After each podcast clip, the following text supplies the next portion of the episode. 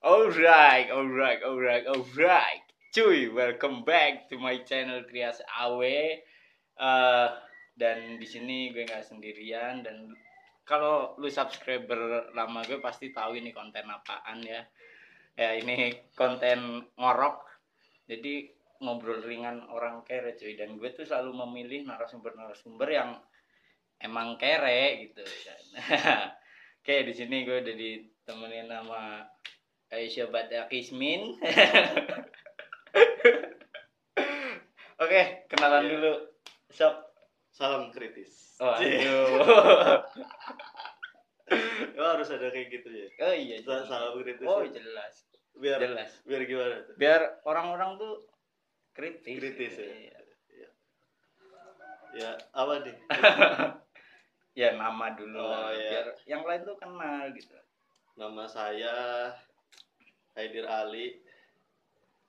Terus apa? Haidir Ali, cuy. Hmm. Mas Haidir Ali. Eh, Mas Haidir Ali ini masih kuliah ya? Kuliah maksudnya. Masih kuliah dan ambil jurusan apa kalau boleh tahu nih? Komunikasi. Komunikasi. Ah, Di Universitas adalah universitas Ah, swasta, swasta, di Jogja lah. di Jogja, cuy. Orang Jogja. Yang katanya universitas swasta terbaik. Waduh, favorit Katanya. ya, favorit. Favorit katanya. Cuma Oke, tahu. berarti dari universitasnya aja udah terbaik gitu ya, cuy. Gimana mahasiswanya gitu. cuy. oh, Eh, Oke, di sini eh, gue bakal nanya-nanya sedikit sih tentang dunia komunikasi dan yang jelas Mas Ali aja ya. Mas Ali ini kan juga berarti belajar tentang media dong, iya ya, studi media. studi media dan sebenarnya emang ada keresahan cuy gitu cuy. Keresahan yang terpendam di balik lubuk hati. sebenarnya keresahan yang dipaksa buat buat bikin konten. Enggak, jadi keresahan gue emang eh, melihat media sekarang, apalagi pertelevisian ya, media televisi, ini menurut gue udah apa ya bahasanya turun rating atau gimana ya. Jadi orang-orang masyarakat sekarang nih kayak semua nih jarang banget nonton TV gitu loh cuy. Dan malah lebih ke itu YouTube, media-media lainnya, dan bahkan di rumah gue sendiri pun TV paling lama ini nyala hanya satu jam sehari. Ya alhamdulillahnya bayar listrik jadi murah ya kan. Nah tapi gue mikir 5 atau 10 tahun ke depan televisi nanti ini akan akan punahkah atau memang eh, akan tetap bertahan dengan ya konten-konten televisi yang memang menurut gue monoton gitu cuy. Kalau dari Mas Haidir Ali melihat fenomena ya menurut gue nggak nggak cuma di rumah gue dan hampir mungkin masyarakat sekarang sudah amat sangat jarang untuk nonton TV gitu. Pandangan dari Mas Ali sendiri gimana nih? Duh, udah. Berat ya? Iyalah kan Iya. yang belajar tentang Padahal tadi- media. tadi mau request loh jangan berat-berat ya. Kan kelihatan bego. Gimana ya?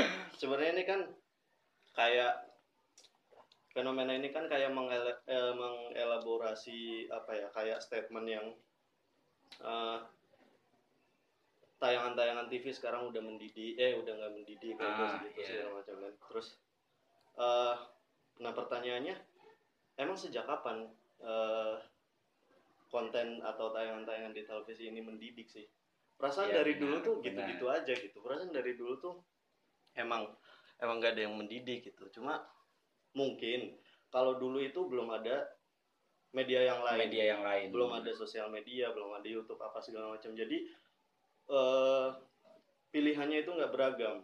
Pilihannya itu cuma TV ya udah TV ya dan mungkin kesulitan akses juga ya, dan, dulu ya. dan mau mendidik apa enggak ya udah TV or, eh, apa hiburan cuma TV ya udah TV aja. Cuma sekarang udah pilihannya tuh udah banyak. YouTube apa segala macam media audiovisual tuh udah banyak ya.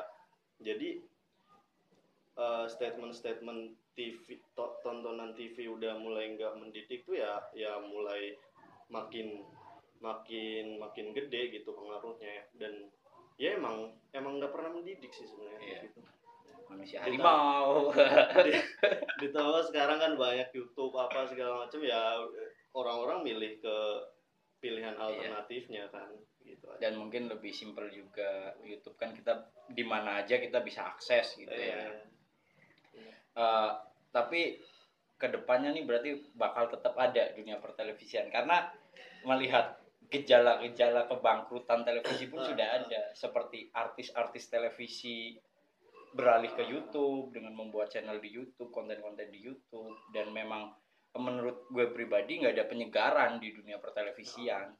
Kayaknya bakal tetap ada tapi dalam media yang lain lu nggak maksud gue maksud maksudnya tuh TV-TV sekarang tuh udah udah udah kayak udah evolve udah evolusi ke bentuk yang lain kayak misal anggaplah sekarang udah ada OTT streaming udah udah Iya. ada Netflix, Hmm. iFlix apa segala macam Net TV pun udah ada media streamingnya sendiri kan terus eh, kayak eh, Net TV di Hulu, Trans 7 di eh, iNews misal apa Trans TV di iNews kayak gitu kan berarti kan TV juga udah mulai sadar ada potensi bakalan eh, sekarat gitu bakalan Iya. mati kan ya kayaknya sih ke depannya bakalan kayak gitu ya bakalan mainnya ke ke OTT streaming gitu kayak internet makin gede ya mau nggak mau supply Iya. and demand mak- makin naik gitu kan Eh, tapi kalau di di pikiran gue pribadi kenapa sih TV nggak nggak mencoba membuat konten yang memang lebih menarik gitu ya artinya ya kita tahu itu udah jadi rahasia umum bahwasanya konten-konten di televisi ya apa sih? Cuma sinetron, FPV segala macem. Ada juga kuis-kuis yang memang eh, menurut gue kurang mendidik gitu ya. Kurang mendidik berarti masih ada cuy yang mendidik. Kurang mendidik dibanding dibah dibanding dibandingkan konten-konten di YouTube gitu cuy. Jadi di YouTube kan kita nyari apa aja ada, tutorial apa ada. Nah, kalau menurut gue ya penyebabnya karena satu memang dulu kita kesulitan akses internet. Ya. Sekarang lebih lebih gampang lah. Tapi dari dunia televisi sendiri menurut gue telat sih menyadari hal itu telat. Artinya eh, akhir-akhir ini bahkan dari beberapa tahun yang lalu pun masih mempertahankan konten-konten yang lama kayak kayak siluman-siluman gitu loh cuy ya kan. formulanya masih Iya. formula lama. Nah menurut gue itu sih penyebabnya. Jadi orang tuh jenuh gitu emang jenuh juga. Lah sekarang kalau kalau dibilang orang nggak butuh televisi pun ya nyatanya setiap rumah hampir punya televisi gitu ya. Tapi kan keintensitasnya itu yang turun gitu. Jadi ya kalau menurut gue itu kontennya ini memang tidak mendidik. Nah, Nah, sebagai mahasiswa komunikasi barangkali punya ide-ide cemerlang gitu buat konten televisi. kalau ide-ide tuh sebenarnya percaya sama gua ide tuh pasti banyak Ya. kru TV itu pasti banyak banget dan itu tuh eh, kreativitas mereka tuh ya pasti banyak lah gitu. Pilihan alternatif kreativitas tuh pasti banyak. Masalahnya adalah yang ngatur KPI itu kayak gimana? Ah, iya. KPI itu eh, sekarang sistem pengaturannya itu kayak gimana segala macam oligarki pemerintah juga turut serta kan di Iya. situ kan. Nah, jadi buat eh, bikin buat nuntut TV bikin konten-konten yang berkualitas itu ya emang susah gitu emang dari dulu tuh emang susah apalagi zaman kita kan udah tahu ya maksudnya eh, warisan-warisan Orba kan kayak gimana Iya. perannya ke media tuh kan kayak gimana ya otomatis itu turut serta sih kalau misalnya di ditanya apa ya kayak kayak gimana ide biar lebih kreatif apa TV segala macem jawabannya ya KPI-nya aja dulu kayak gimana gitu KPI-nya aja dilonggarin gitu jangan Dikit-dikit sensor. dikit-dikit sensor dikit-dikit anjing puting puting Puting patung. enggak siaran siaran siaran liputan pemerahan susu sapi anjing puting susu sapi disensor bangsa Siapa juga yang sange Iya, yang makanya ya. susu sapi. ya jawabannya itu sih harus dari atasnya dulu Iya, baru jadi memang di tele, di dunia pertelevisian Indonesia memang banyak campur tangan, campur tangan dari luar Iya, gitu ya. Yang, intervensi pemerintah sama KPI itu emang gede banget gitu dan dan intervensinya tuh nggak main-main gitu maksudnya mereka mereka nggak cuma ABC kayak gitu doang tapi mereka ya gimana ya kayak jadi memang kita kan ketimuran gitu juga ya. ah, Iya. kita kan budaya ketimuran apa segala macam maksudnya ya pemerintah juga ngikutin budaya itu sampai-sampai belahan disensor apa sih disensor segala macam kan karena itu gitu norma dan sosial yang ada.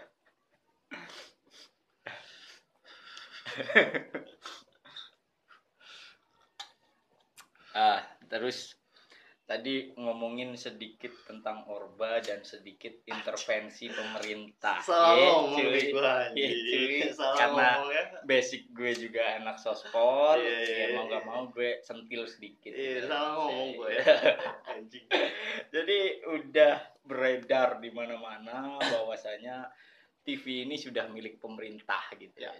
Bukan milik oposisi. Jadi apa pun yang ditayangkan di TV itu jelas apa ya alat istilahnya? propaganda Iya, untuk pencitraan pemerintah. Lu sepakat nggak tentang hal itu? Dan ada nggak sih bukti yang bisa dipakai? Nggak bukti juga sih, artinya yang lu mengetahui lebih dalam tentang hal itu dan dipaparkan di sini. Kalau- Santuy, nggak bakal kena delik di channel biasa. kalau eh, gimana ya kalau kalau statement itu soal media sebagai propaganda pemerintah udah jelas maksudnya dengan adanya KPI pun itu udah eh, bukti bahwa pemerintah yang punya akses gitu Iya. yang punya full full Kontrol. full kontrol ke medianya itu ya pemerintah dengan adanya KPI buat bukti-bukti nyatanya kayaknya banyak sih temen temen gua ada banyak yang yang kerja di TV dan ya tiap kayak dia tuh cerita gini apa pokoknya satu kantor kalau nggak ada berita berit kalau nggak ada berita jelek itu itu itu sedih semua. Kayak misal kebakaran dia ngeliput Ah. kebakaran. Eh, ada kebakaran di daerah sini gitu. Ada kebakaran di daerah sini kita mau ngeliput kapan ada yang mati nggak? Nggak ada yang mati. Ya ya udah deh nggak usah diliput. Oh, jadi orang-orang TV itu berharap banyak korban ya. oknum ya. Nggak nggak nggak bilang semuanya. Iya. cuma oknum gitu ada lah. Dan ya itu kan bukti gitu bahwa pemerintahnya nyari alat represi dan kontrol. Medianya juga nyari profit gitu. Jadi buat ngasih eh, konten-konten yang masyarakat segani buat memenuhi supply and demand yang apa yang ideal gitu susah sih Susah, susah, susah. susah banget. Karena berarti antara kedua belah pihak juga memang gimana ya? Tidak bisa untuk berjalan sendiri. iya iya benar benar gue aja orang orang yang berkutat berkutat apa ya kayak mempelajari ilmu-ilmu media aja seskeptis ini gitu Ah. sama media Indonesia sendiri gitu ya. Ya emang gitu kenyataan Iya emang kenyataannya gitu ya kayak kita bisa lihat sendirilah. Artinya kita coba flashback ke pemilihannya. Media TV mana yang berani menyentil atau istilahnya mengorek sedikit borok-borok pemerintah itu menurutnya nggak ada cuy. Nggak ada. Dan ya itulah tadi yang dibilang pemerintah memang kontrol buat hal-hal seperti itu. Artinya memang pencitraan pemerintah ya melalui media TV bukan cuma media TV sih media apa pun itu sih. Mau itu dari TV radio atau apa pun itu ya eh, media itu emang dari dulu emang dikontrol pemerintah. eh, dan dan dan kodratnya emang diciptakan untuk alat propaganda pemerintah gitu kodrat. Oh gue mau nanya nih. Eh, balik nanya. Kalau lu sendiri tuh pandangan ke media media ya media media audiovisual terutama kayak yang statement YouTube YouTube lebih dari TV itu ah.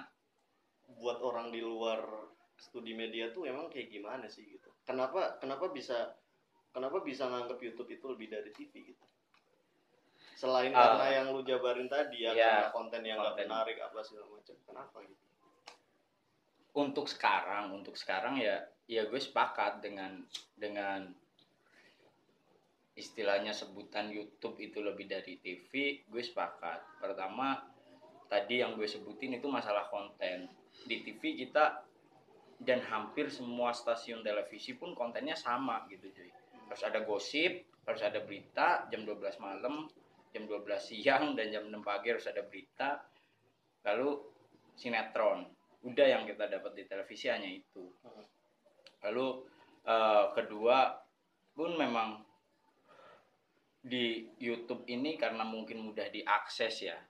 Dan orang ingin mengetahui informasi itu kan ya contohnya misal kita lagi perjalanan di jalan nggak mungkin dong kita bisa tahu berita-berita di televisi Ah. detik itu juga nah itu YouTube kan di situ fungsinya YouTube mungkin untuk lebih cepat diakses dan gampang diakses Kalau kayak gitu berarti infrastruktur juga memadai buat perkembangan TV dong. Kayak misal tadi di jalan kita nggak bisa ngikutin TV ya, ya gimana caranya kalau TV mau maju ya harus ada infrastruktur yang ngikutin itu gitu kan?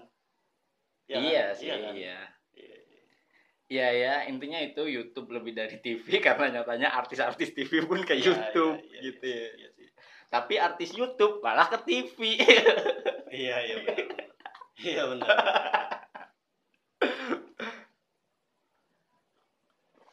itu juga gue kurang kurang apa ya? Kurang bisa nangkep maksudnya apa dan gimana gitu sampai ada pertukaran artis di dua ini ya. Dua alam. dua alam. Alam televisi dan alam YouTube gitu ya. Kan ada wow banget. Wow banget itu kan emang dari youtuber gitu. The king of YouTube. Dan ingin menjadi the king of televisi gitu aja gitu. Dan artis-artis pun ya ya mungkin kita bisa lihat hampir ya hampir semua artis baik yang masih ada di TV atau yang sudah tidak ada di TV artinya sudah nggak laku di dunia televisi itu pasti punya channel YouTube.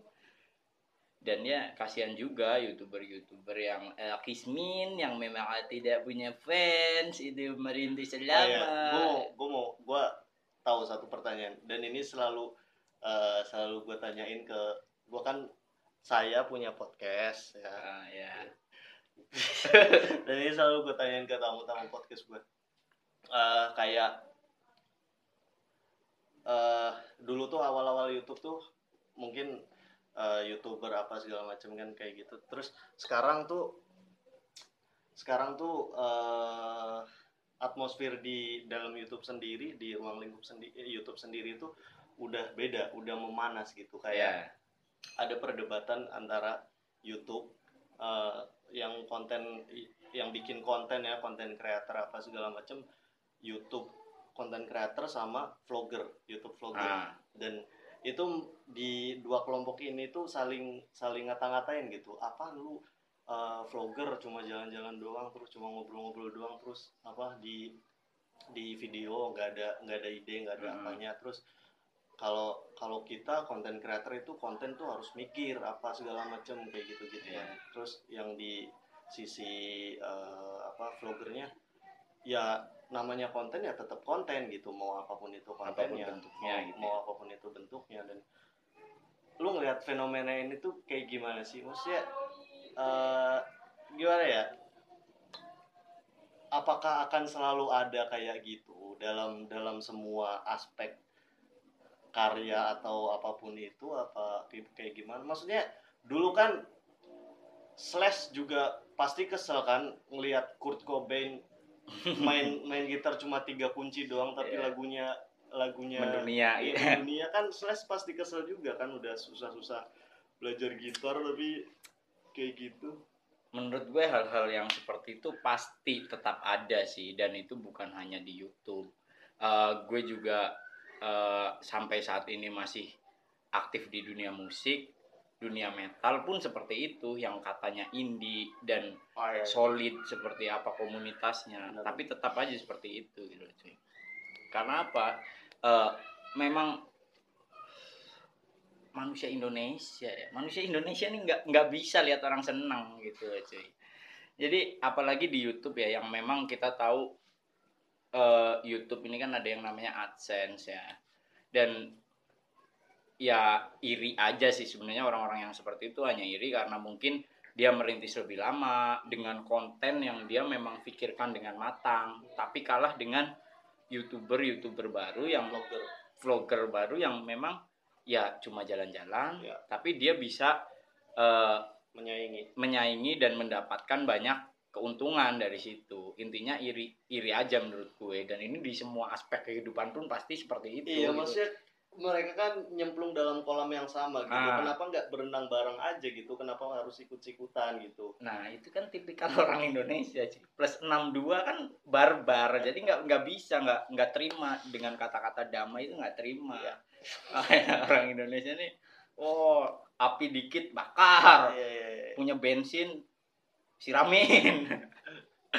Emang menurut gue di Indonesia kayak gitu sih. Ya apa pun itu bentuknya, mau YouTube, mau dunia musiknya, mau dunia eh, film atau sebagainya itu memang seperti itu kalau menurut gue dunia kerjanya pun seperti itu Iya, iya, ya betul. kan kita kita tidak bisa bekerja tim dengan sukarela gitu. Ah, ah. artinya pasti kita bisa bekerja tim asal ada Iya, iya, iya. balasan yang setimpal kan gitu. Apalagi dunia YouTube yang ya memang kita tahu konten-konten kreator ini udah jutaan orang bahkan mungkin nggak kehitung gitu. Ya.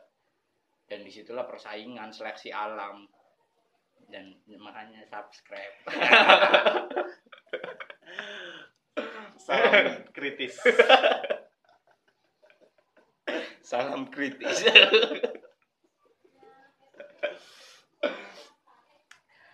Eh, tapi Eh, ini gue mau request ya. Hah? Khusus video ini tolong ya buat subscriber dan viewersnya eh, channel ini Trias Awe ya. Tolong ingetin dia ya buat jangan nambahin editan-editan yang cringy, yang kayak iya iya iya iya iya iya, ya, kayak gitu. Tolong ya ingetin ya. Khusus video ini nih, tolong jangan ada editan kayak gitu, tolong.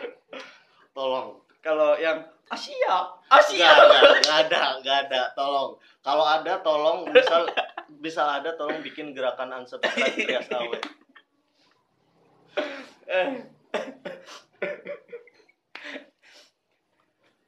kasihan Asyap sudah tidak digunakan lagi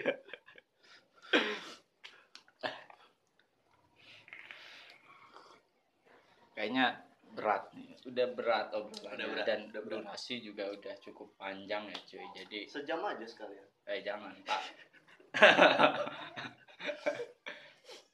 Eh, jadi gue pengen nanya-nanya yang lebih ringan Ah. gitu ya cuy lebih ringan Nah, kuliah udah berapa tahun pak Sekarang udah semester akhir. Wih, sekut semester akhir. Masalah berapa-berapanya itu Pokoknya akhir lah ya. nggak pokoknya akhir. Biar saya dan vertikal. Saya dan dosen pembimbing yang Iya, tahu. saya dan dosen pembimbing aja yang tahu. Tapi bener lagi lulus ya berarti ya. Ya, ya doain aja.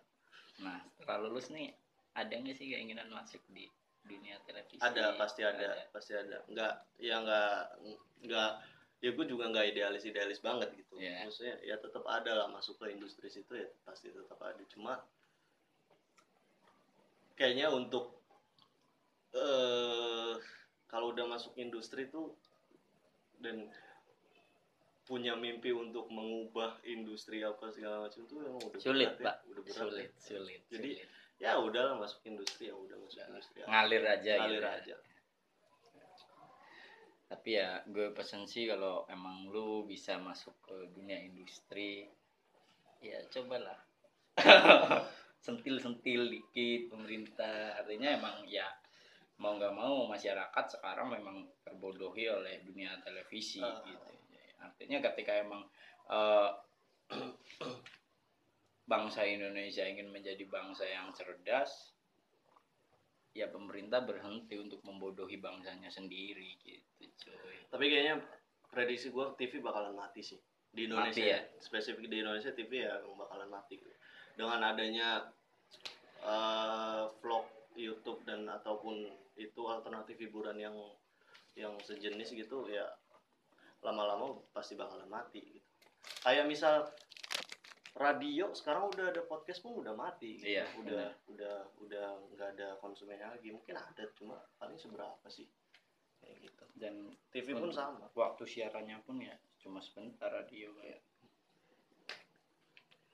Oh ya tadi katanya punya podcast. Ya, saya punya podcast. Ini bahas apa di podcast itu? Saya bahas personal concern aja sih, keresahan-keresahan pribadi Oh, aja. iya. Cuma ya di dikemas dalam bidang saya gitu. Dalam bidang studi media dan komunikasi aja gitu. Namanya podcast Opini Random.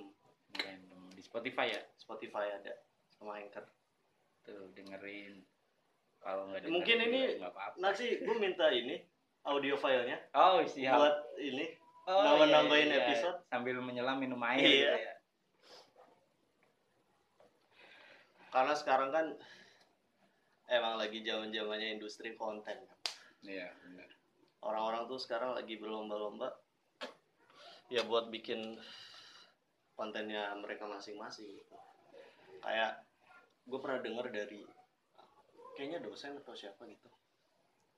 Industri konten sekarang tuh industri yang paling gede karena industrinya tuh nggak memerlukan sumber daya gitu iya benar. Nggak memerlukan sumber daya dan titik konsumsinya pun nggak nggak pernah menunjukkan titik maksimum gitu.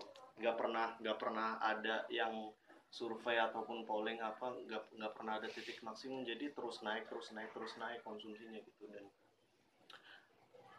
sumber dayanya pun nggak kayak batu bara gas apa Hmm. yang bisa habis gitu. Jadi apa pun yang lu produksi apa pun yang lu bikin pasti ada yang yang ngambil gitu. Terlepas dari laku apa enggaknya pasti ada yang ngambil gitu. Pasti ada yang jadi ngambilin. motivasi awal lu buat podcast sendiri ini apa? Sebenarnya keresahan pribadi aja sih. Dan pengen ngebacotin orang aja sih. Ya kayak kayak gue bikin channel Iya, YouTube iya. kan emang Iya. ke situ Iya. arahnya gitu cuy gue gue sadar nggak bisa nggak bisa ngebacotin orang di depan muka Iya, jadi ya bacotin terlalu podcast aja. pedih dan gue mau bikin vlog juga nggak bisa gitu. Kayak gue sekarang nggak. Sekarang gue bikin vlog sama sama sama lu aja kayak gue tingkat insekuritas gue makin tinggi gitu. Kayak anjing gue gendut banget hitam banget apa segala macam kalau di podcast kan nggak gitu. Nggak kelihatan nggak gitu. kelihatan rekaman pakai kolor doang pun it's okay gitu. Jadi ya mending podcast aja lah. Modalnya juga nggak banyak. Udah mulai gelap ya cuy mungkin udah segini aja ya karena durasi juga udah cukup panjang. Ya. ngebacotnya juga capek ya kan? Setengah jam. Ya jadi itu aja tadi obrolan random bener-bener random Ya, banget. benar. yang ya syukur-syukur sih ada manfaatnya buat lu semua yang yang lihat video ini eh ini beneran minta audio filenya oh siap. Iya.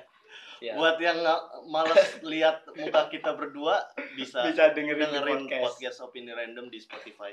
Ya ini obrolan random aja dan ya ambil positifnya buang negatifnya.